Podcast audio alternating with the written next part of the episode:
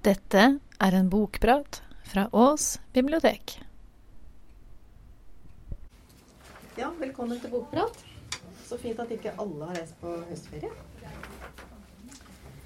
Jeg heter Elin, og jeg skal snakke om ei bok som jeg nettopp har lest, som heter 'Hjertet i Paris', som er skrevet av Paula MacLean. Og da lurer jeg på, er det noen av dere som veit hvem dette er? Fem sekunders tenkepause. Fitzgerald, er det det? Nei. Den mannen der er Ernest Hemingway. Og dette er Hadley Richardson. Hva sa du? Hadley Richardson. Ja. Og hun henger Henger det opp der? Sånn. Dette er en roman om henne, og det eh, Det er eh, den første kona til Ernest Hemingway. For eh, Hemingway gifta seg jo fire ganger, og dette er altså en roman om henne og hennes ekteskap med Ernest Hemingway. Siden jeg skulle begynne å lese prologen, den er, er litt lang, men jeg syns den var god.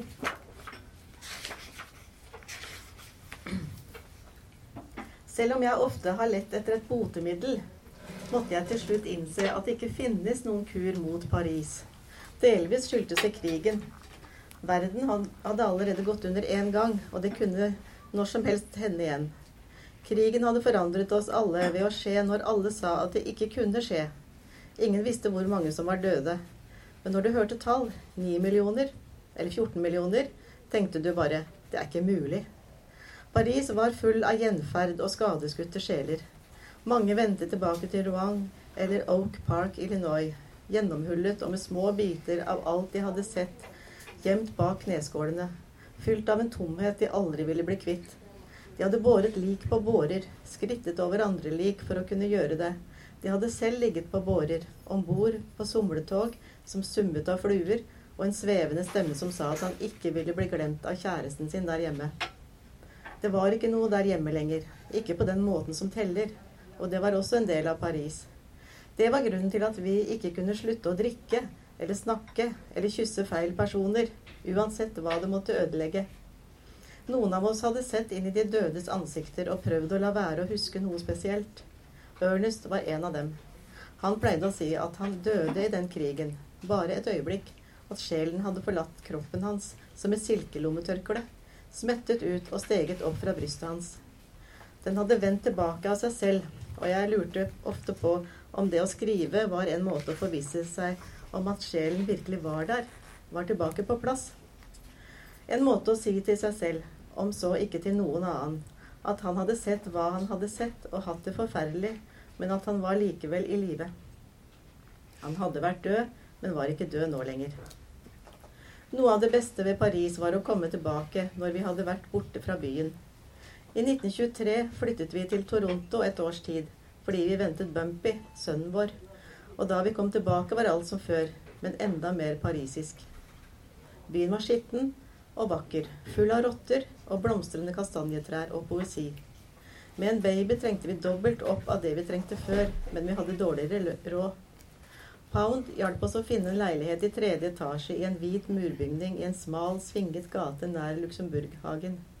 Leiligheten hadde ikke varmt vann, ikke badekar, ikke elektrisk lys, men vi hadde bodd langt verre.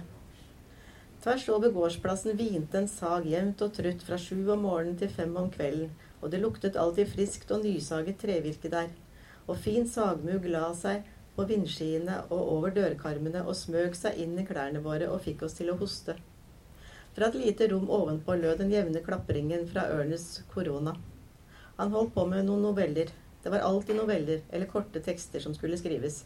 Men også en ny roman om fiestaen i Pamplona, som han hadde begynt å, på den sommeren. Jeg leste ikke det han hadde skrevet, men jeg stolte på dømmekraften hans, og jeg stolte på den daglige rytmen. Han våknet tidlig om morgenen, kledde på seg og smatt opp på rommet sitt og begynte, å, begynte på dagens skriving. Hvis han ikke fikk det til, tok han notisbøkene og noen nyspissede blyanter med seg og gikk bort til Closerie de Lila for å ta en kafé krem ved det marmorbordet han likte best, mens Bumpy og jeg spiste frokost alene, for så å gå en tur eller besøke venner. Sent på ettermiddagen satte jeg kursen hjemover. Hvis det hadde vært en god dag, ville Ernest sitte der ved spisebordet med en god og kald sauterné eller en pjolter, klar til å snakke om hva det måtte være. Eller vi kunne gå ut sammen og la husverten, madame Chotard, passe Bumpy mens vi fant oss et fat med østers og fikk en god prat på Select eller Dom de Le eller, eller de Magot. Det var interessante mennesker overalt på den tiden.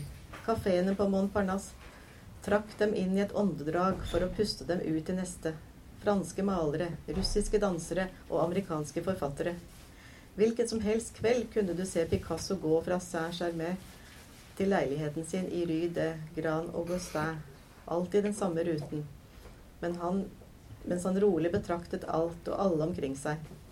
Men nesten hvem som helst kunne på den tiden føle seg som en maler som drev gatelangs i Paris. Fordi lyset brakte, dem, brakte det fram i, i, deg. Og skyggene langs bygningene og broene som syntes å ha til hensikt å knuse hjertet ditt. Og de frapperende vakre kvinnene i svarte kappekjoler fra Chanel som røkte og kastet hodet tilbake når de lo. Vi kunne gå på hvilken kafé det skulle være og fornemme det herlige kaoset der inne, og vi bestilte Pernod eller rom inntil vi var gode og surrete og lykkelige over å være sammen. Hør her, sa Don Stewart en kveld da vi alle satt på Select, fjollete og fulle som alker. Det du og Hem har sammen, er så perfekt. Nei, nei. Han snakket utydelig nå, og ansiktet hans var forvrengt av intensitet. Det er hellig. Det var det jeg mente å si. Det er pent av deg å si det, Don. Du er en fin fyr, du også. Jeg la hånden forsiktig på skulderen hans, redd for at han skulle begynne å gråte.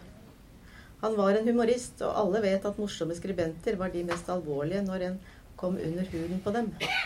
Han var heller ikke gift ennå, men det var noen prospekter i horisonten. Og det var svært viktig for ham at ekteskapet kunne være både fint og godt. Slett ikke alle trodde på ekteskapet den gang. Å gifte seg var et uttrykk for at du hadde tro på fremtiden, men også på fortiden. At historie og tradisjon og håp kunne bli knyttet sammen for å støtte deg. Men så var krigen kommet og hadde tatt alle de kjekke unge mennene og alt vi trodde på. Du hadde ikke annet å gjøre den gangen enn å kaste deg ute i dagen i dag uten tanke på morgendagen, for ikke å snakke om evigheten. For å holde deg borte fra tankene fantes det et hav av brennevin for alle formål, i tillegg til alle de vanlige lastene, og nok tau å henge seg i. Men noen av oss, svært få skulle det vise seg, satset på ekteskapet mot alle odds. Og selv om jeg egentlig ikke følte meg særlig prektig, så følte jeg at det vi hadde, var noe sjeldent og ekte. Og at vi var trygge og at vi var trygge i ekteskapet som vi hadde bygget sammen, og som vi bygget på hver eneste dag. Dette er ingen detektivfortelling, slett ikke. Jeg har ikke tenkt å si pass deg for piken som kommer til å dukke opp og ødelegge alt sammen. Men hun dukket opp uansett. Jeg har skjønt hvilke planer hun har, i en fantastisk kåpe av jordekornskinn og de lekreste sko med det glatte, brune håret som en hette om det velformede hodet, glir hun som en vakker oter rundt i kjøkkenet mitt. Hun har lett for å smile. Hun snakker fort og vittig, men inne på soverommet ligger Ernest utstrakt på sengen som en eneveldig konge, sjuskete og ubarbert, og leser i boken sin mens han ikke bryr seg om henne i det hele tatt. Ikke til å begynne med. Og tevannet vil koke i kjelen, og jeg vil fortelle en historie om en jente hun og jeg kjente for 100 år siden i St. Louis. Vi vil kjenne oss som bestevenner idet en hund på sagbruket tvers over gårdsplassen vil kunne begynne å bjeffe og fortsette å bjeffe, og ingenting kan få den til å holde opp. Ja, det, denne prologen sammenfatter i grunnen hele boka, men uh, jeg skal utdype litt, da. Jeg har egentlig aldri visst noe særlig om Hemingway, annet enn at han var en uh, stor forfatter.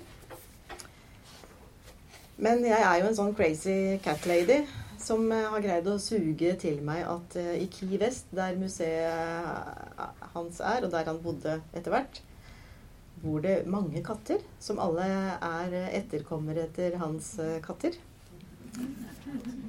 Og derfor, og Folk sier at han var så glad i katter, og derfor har jeg tenkt at han må jo ha vært en trivelig fyr. Jeg ser liksom ikke så mye til det i denne romanen her. Han er kanskje snill nok, men eh, han er også en veldig vanskelig, vanskelig kar. Men det er jo egentlig Hadley det skal dreie seg om her. Og det, hun eh, blir født i eh, St. Louis i 1891 i USA. Faren hennes er direktør i et legemiddelfirma. Han gjør det godt lenge. Eh, han eh, er ikke så mye hjemme, da. Det er vel kanskje ikke framgangsrike menn på den tida. Men når han er hjemme, så er han en veldig snill pappa. Og Hadley elsker han. Men han har whiskyflasker stående overalt. Moren er eh, skarp i kanta, kontrollerende, og hun er leder for suffragettene i byen. Og faren han hater disse kvinnene. Han er vel redd dem og skyr huset når de har møter der. Og så vil jeg bare nevne at farfaren til Hadley han grunnla folkebiblioteket i St. Louis. En dag lyder det et skudd i huset. Faren har skutt seg. Og verden blir mørk for Hadley. Hun henger for det meste over bøker og grubler. Hun lengter bort og prøver å reise bort for å gå på skole et år, men det går dårlig, og hun kommer tilbake. I åtte år så går hun rundt i komalignende tilstand eh, hjemme og er, eh, står til tjeneste for den syke mora. Og etter morens død så føler hun at nå må hun komme seg vekk, og reiser til Chicago for å treffe ei venninne der. Og der blir hun dratt inn i en vennegjeng en skikkelig festgjeng som eh, er glad i det gode liv. Og der er Ernest. Og hun blir fort sjarmert i senk av Ernest Hemingway. Blir kraftig advart av ei venninne som sier at han må du passe deg for. Han er en skikkelig skjørtejeger. Men venninnen hun eh, har vel kanskje kjent Ernest litt for godt sjøl, og hun er vel egentlig ganske sjalu. Men Hadley må reise tilbake til St. Louis men de har en heftig brevveksling seg imellom, Ernest og Hadley. Og hun prøver å leve livet i, eh, i St. Louis, og hun vet at eh, det gjør, eh, det gjør nok Ernest i, i Chicago også. Jeg hadde ikke noe krav på ham. Det så ikke ut til at noen hadde noe krav på noen, faktisk. Det var et tegn i tiden. Vi var alle på randen nå, boblet over av ungdom og løfter og trillende jazztoner. Overalt tok jentene av korsettene sine, la opp skjørtene sine og farget lepper om øynene mørke. Vi sa 'snasent' og 'det får en si' og 'rampefint'. I 1921 var ungdom absolutt alt, men det var også det som gjorde meg syk av bekymring. Jeg var 29 og følte meg helt avleggs, men Ernest var bare 21 og rødglødende av liv. Hva tenkte jeg for noe?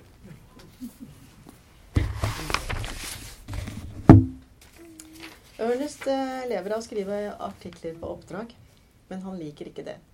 Han drømmer om å reise til Roma og skrive sine egne bøker. Og plutselig så frir han i et eh, brev til Hadley og spør om ikke de to kan reise til Roma sammen. Og visst er de forelska, men vi får liksom en sånn krypende følelse at Ernest er ikke helt å stole på. At han i grunnen har nok med seg sjøl. Men de gifter seg. Og etter bryllupet så blir det ganske smalhans, da, for det er dårlige boforhold i Chicago.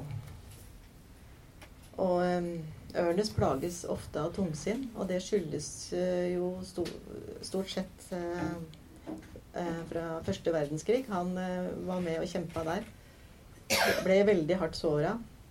Og han har veldig mye mareritt om natta og greier ikke å sove med lyset slukt. Og krigen, det skriver han jo om i seinere bøker. Men plutselig så åpner det seg en sjanse for dem.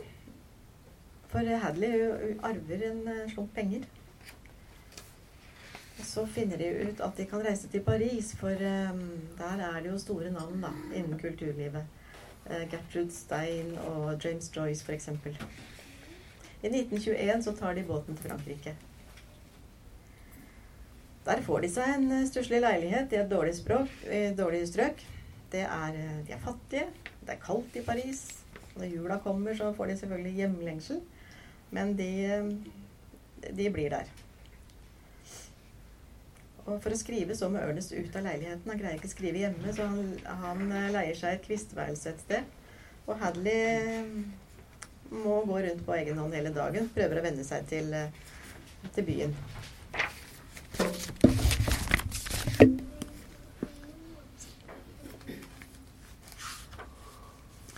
Det er så vakkert her at det gjør vondt, sa Ernest en kveld da vi var på vei for å få oss et kveldsmåltid på Pre og Klerk noe som var blitt en vane for oss. Er du ikke forelsket i dette? Jeg var ikke det. Ikke da. Men jeg var ærbødig. Bare det å spasere i de fineste gatene i Paris på den tiden var som å kikke inn i et surrealistisk sirkus når teppet blir trukket til side, på alt det merkverdige og det storslagne der inne, til alle døgnets tider. Etter krigens strenge sparsommelighet, som hadde ført til at tekstilindustrien kollapset og de store motehusene stengte dørene, fløt mangefargete silke nå som vann gjennom Paris' gater. Persisk blått og grønt, sprakende oransje og gullfarget. Inspirert av det orientalske med den russiske ballett kledde Paul Poirot kvinnene i haremsbukser og turban med frynser og rad på rad med perler. I skarp kontrast til dette hadde Chanel begynt å lykkes, og du så iblant en enkel geometrisk svart stil midt oppi alle fargene. Mer og mer betydde skikk det samme som en skingelklippet bobfrisyre, og mørke lakkerte negler og utrolig lange sigarettmunnstykker av elfenben. Det betydde også å være slank, med et sultent uttrykk. Men det var ikke meg. Selv når jeg gikk sulten, mistet jeg aldri det runde fjeset mitt og de lubne armene. Jeg brydde meg heller ikke så mye om klær at jeg tenkte noe på hva som ville kle meg. Jeg hadde på meg det enkleste og det som trengte minst stell. Lange ullskjørt og formløse gensere og bøttehatter av ull. Det så ikke ut til at Ørnes brydde seg om det. Tvert imot syntes han overpyntede damer var latterlige. Det hang sammen med hans forkjærlighet for alt som var enkelt. God hjemmelaget mat, bondsk, nesten seig vin, landsens folks med ukompliserte verdier og språk. Jeg vil skrive én sann setning, sa han. Hvis jeg kan skrive én setning, enkel og sann, hver dag, så vil jeg være fornøyd. Det er jo viktig for han å bygge seg nettverk. Og um, derfor er det stort å få treffe Gertrude Stein, som er en av de største eh, navnene i Paris på den tida. Gertrude så ut til å være mellom 45 og 50 med et gammeldags europeisk utseende i den mørke kjolen og sjalet og håret som var satt opp i store kveiler rundt det vakre hodet hennes. Hun hadde en stemme som tung fløyel og brune øyne som fanget opp alt med en gang. Seinere, da jeg hadde anledning til å se nærmere på henne, slo det meg hvor like Ernest og hennes øyne var. En svært dyp og nesten ugjennomtrengelig brunfarge. Kritiske og bifallende. Nysgjerrige og fulle av latter. Og hun går jo også med på å lese arbeidene hans, da. Og analysere litt. Diktene er, diktene er riktig gode, sa Stein til slutt. Enkle og klare. Du prøver ikke å imponere eller noe. Og romanen? Jeg synes han var veldig modig som våget å spørre, eller å vise henne de sidene i det hele tatt, fordi han nylig hadde gått i gang med det. Så beskyttende var han at han hadde vist meg så godt som ingenting. Det er ikke en, en slik tekst, tekst som interesserer meg, sa hun til slutt. Tre setninger om fargen på himmelen. Himmel er himmel, og det er nok. Sterke, forkynnende setninger, det er du best på. Hold deg til det. Ernest mistet ansiktet et øyeblikk mens Gertrude snakket, men så tok han seg sammen. Hun var inne på noe han, hadde, noe han i det siste hadde begynt å innse. Om dette direkte, om å skjære språket inntil margen. Når du begynner på nytt, utelat alt som ikke er strengt tatt nødvendig. Han nikket, litt rød i ansiktet, og jeg kunne formelig høre at han lukket inn rådene fra henne sammen med Pounds. Kutt alt det overflødige, hadde Pounds sagt. Frykt abstraksjoner. Ikke fortell leseren hva han bør tenke. La handlingen snakke for seg selv. Hva mener du om Pounds teori om symbolikken? spurte han henne. Du vet dette med at hauken først og fremst er en hauk. Det ligger da i dagen, ikke sant, sa hun. En hauk er alltid en hauk, unntatt. Og her hevet hun et tungt øyenbryn og, senket, og sendte oss et mystisk smil. Unntatt når hauken er et kålhode. Hva? sa Ernest, smilende. Velvillig og ganske perpleks. Nettopp, sa Gertrude.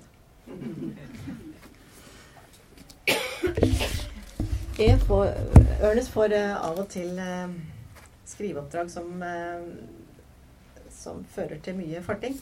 Reising rundt omkring. Og Hadley må greie seg aleine og blir ganske sjokkert over hvor avhengig hun er blitt av han, og hvor mye hun savner han. Hun prøver å spille litt på piano, for hun er, er egentlig en ganske god pianist. Eh, når de, eh, når de, får seg litt penger, da, så reiser de ofte til fjells på ferie. til Sveits eller Italia. Noen ganger går de på ski. En gang så går de over fjellet fra Sveits til Italia. De er fryktelig dårlig utstyrt, men de greier å komme seg, komme seg fra, komme fram. Og der har han fått eh, lov til å intervjue Mussolini. Han er egentlig ganske fascinert av Mussolini. Og Mussolini er da nettopp eh, valgt inn i Riksdagen.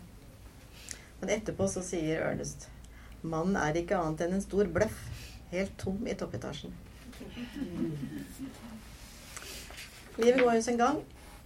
Ernest er lite hjemme om dagen, men om kveldene så henger de eh, sammen med venner på barer og kafeer. Og de har en ganske brokete venneskare rundt seg. Det er skribenter, det er forfattere, det er redaktører, og det er kunstnere av alle slag. Og det røykes, og det drikkes i bøtter og spann. Så får Ernest eh, tilbud om en reportasjereise til Tyrkia. Og Hadley får helt panikk. Og de har en forferdelig krangel. Faen ta deg, sa han da jeg ikke ville åpne øynene eller svare ham. Han skubbet hardt borti skulderen min. Det er jo en jobb. Du vet at jeg må reise.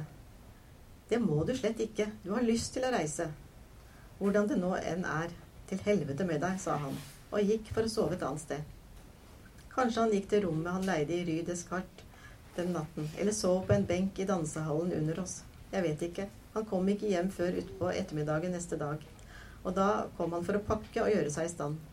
Han gikk rundt i leiligheten, kastet ting ned i kappsekken, samlet sammen notisbokene sine. Er det slik det kommer til å bli? Jeg stirret ut av vinduet på ingenting. Du sa at du aldri ville gjøre dette, vet du. Han hadde rett. Gang på gang hadde jeg sverget på at jeg aldri skulle stå i veien for skrivingen hans. Særlig helt i begynnelsen, da jeg så karrieren hans som min egen og trodde at min rolle, eller rent ut sagt min skjebne, var å hjelpe ham i gang. Men nå forsto jeg mer og mer at jeg ikke visste hva de løftene virkelig betydde. En del av meg ville at han skulle være like ulykkelig som jeg var. Kanskje han da ville gi etter og la være å reise. Men han gjorde ikke det. Vi snakket ikke til hverandre eller tok på hverandre de, de neste tre dagene. Og da han dro, den 25. september, var han så såret og sint at jeg knapt nok klarte å se på ham. Jeg sto i døren og så ham streve seg ned trappa med bagasjen. Da han nesten var nede, mistet han skrivemaskinkofferten med koronaen i. Den smalt mot trappen, raste nedover med en fæl skramling, og så et smell igjen. Han sparket rasende til den før han plukket den opp. Da han nådde døren ved enden av trappen, sparket han til den også, og så hørte jeg ingenting mer. Det blir ei tøff tid for dem begge to. Han opplever mye tøft i, i Tyrkia, og Hadley har det fælt hjemme. Men omsider så kommer han utslitt tilbake, og de prøver å legge problemene bak seg. I 1922 så skal Ernest dekke en fredskonferanse i Lausanne. Og der er det mange redaktører og, og folk av stor betydning. Og Hadley skal få komme etter og være sammen med han. Og som en hyggelig overraskelse så har hun tenkt å ta med seg alle Ernest sine arbeider, sånn at han kan vise dem fram til disse betydningsfulle folka. Og hun benker seg til på toget, men så går hun ut for å kjøpe en avis. Og da hun kommer tilbake til vogna, så er kofferten med hans arbeider borte. De er stjålet. Politiet kommer, men de greier ikke å finne noe og vi kan jo tenke oss åssen hun har det på vei til og sånn på det toget. Det var ikke noe backup da, eller lagrede dokumenter. Gråtkvalt så må hun fortelle Ernest hva som har skjedd. Og tilsynelatende så tar han det pent, men han reiser rett tilbake til Paris for å prøve å finne noe, men han gjør selvfølgelig ikke det. Ernest har hele tida gjort det klart at han ønsker ikke at de skal ha barn.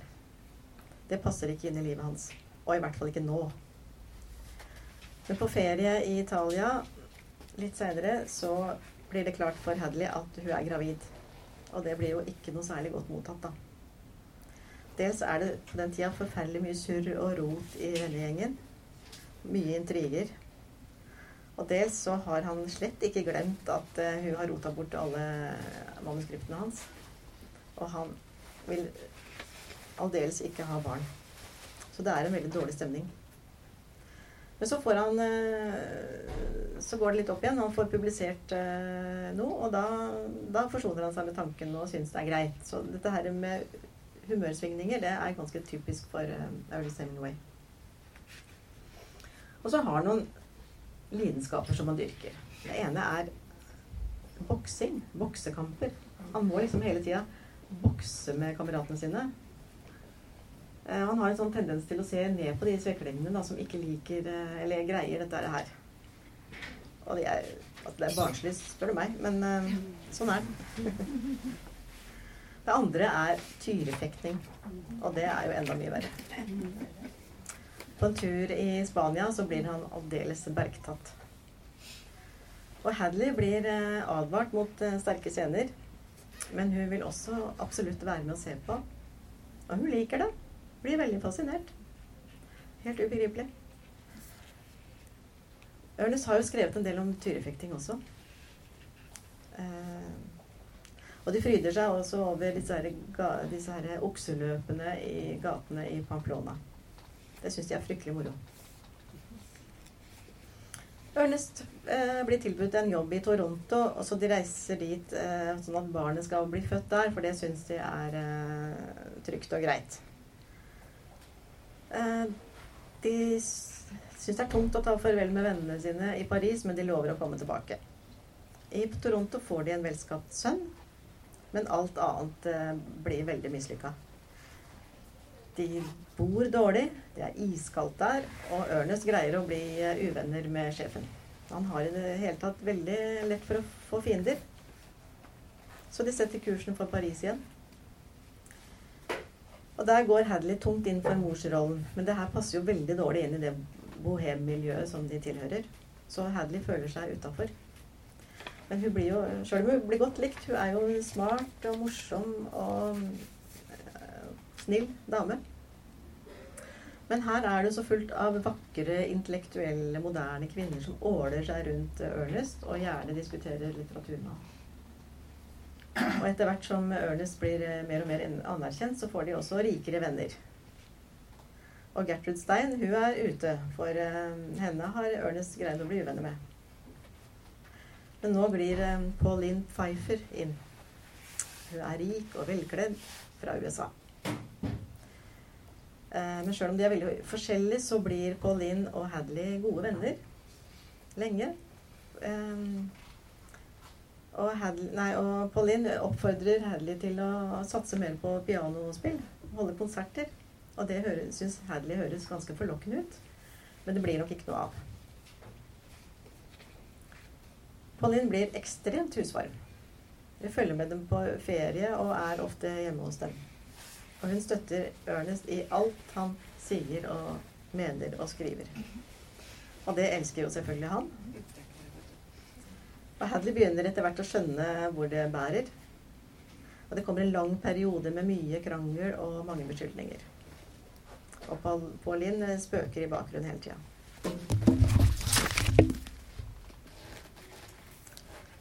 Er det ikke fint for Hem, sa Selda en kveld, at du er så medgjørlig hele tiden? Styrer, styr, Hem styrer virkelig showet, gjør han ikke? Jeg skvatt til, men sa ingenting. Jeg antok at hun sa det av sjalusi fordi mennene sto hverandre så nær, men hun hadde rett også. Ernest styrte virkelig showet og overkjørte meg rett som det var. Og det var ikke tilfeldig. Han og jeg hadde vokst opp i hjem der kvinner regjerte med jernhånd, omskapte ektemenn og barn til skjelvende vrak. Jeg visste at jeg aldri ville bli slik, ikke for enhver pris. Jeg hadde valgt min rolle som støttespiller for Ernest, men i det siste var verden snudd på hodet, og mine valg var borte. Når Ernest så rundt nå for tiden, så han et annet liv, og han likte det han så. De rike hadde bedre dager og friere netter. De brakte solen med seg og fikk tidevannet til å stige og synke. Pauline var en ny type kvinne, og hvorfor skulle han ikke ha henne? Hvorfor kunne han ikke strekke ut hånden og ta det han ville ha? Var det ikke slik ting ble gjort nå? For min del følte jeg meg fullstendig fastlåst og motarbeidet. Dette var ikke min verden. Dette var ikke min type mennesker. Og de trakk Ernest lenger og lenger inn for hver dag som gikk. Hva kunne vel jeg gjøre eller si? Forelskelsen hans i Pauline ville kanskje gå over, og han ville bli helt og holdent min igjen. Det var ennå mulig. Men det var ingenting jeg hadde kontroll over. Hvis jeg stilte ham et ultimatum og sa at hun måtte reise, så ville jeg miste ham. Hvis jeg ble hysterisk og lagde en offentlig scene, ville de gi ham en unnskyldning til å forlate meg. Alt jeg hadde igjen, var en slags forferdelig lammelse. Denne venteleken. Denne hjertesorgleken. Det blir en eh, vond og langsom seigpining mot uh, skilsmisse. Men de slutter nok aldri å elske hverandre. For de greier etter en stund å skrive noen vakre avskjedsbrev til hverandre. Etter en stund så møter eh, Hadley journalisten Paul Maurer. Han er en stø og sindig kar, og de gifter seg. Og jeg blir så glad litt, da. Jeg syns hun fortjener det. Så. Hun snakker med Ernest et par ganger seinere i livet, og da virker han veldig trist og vemodig.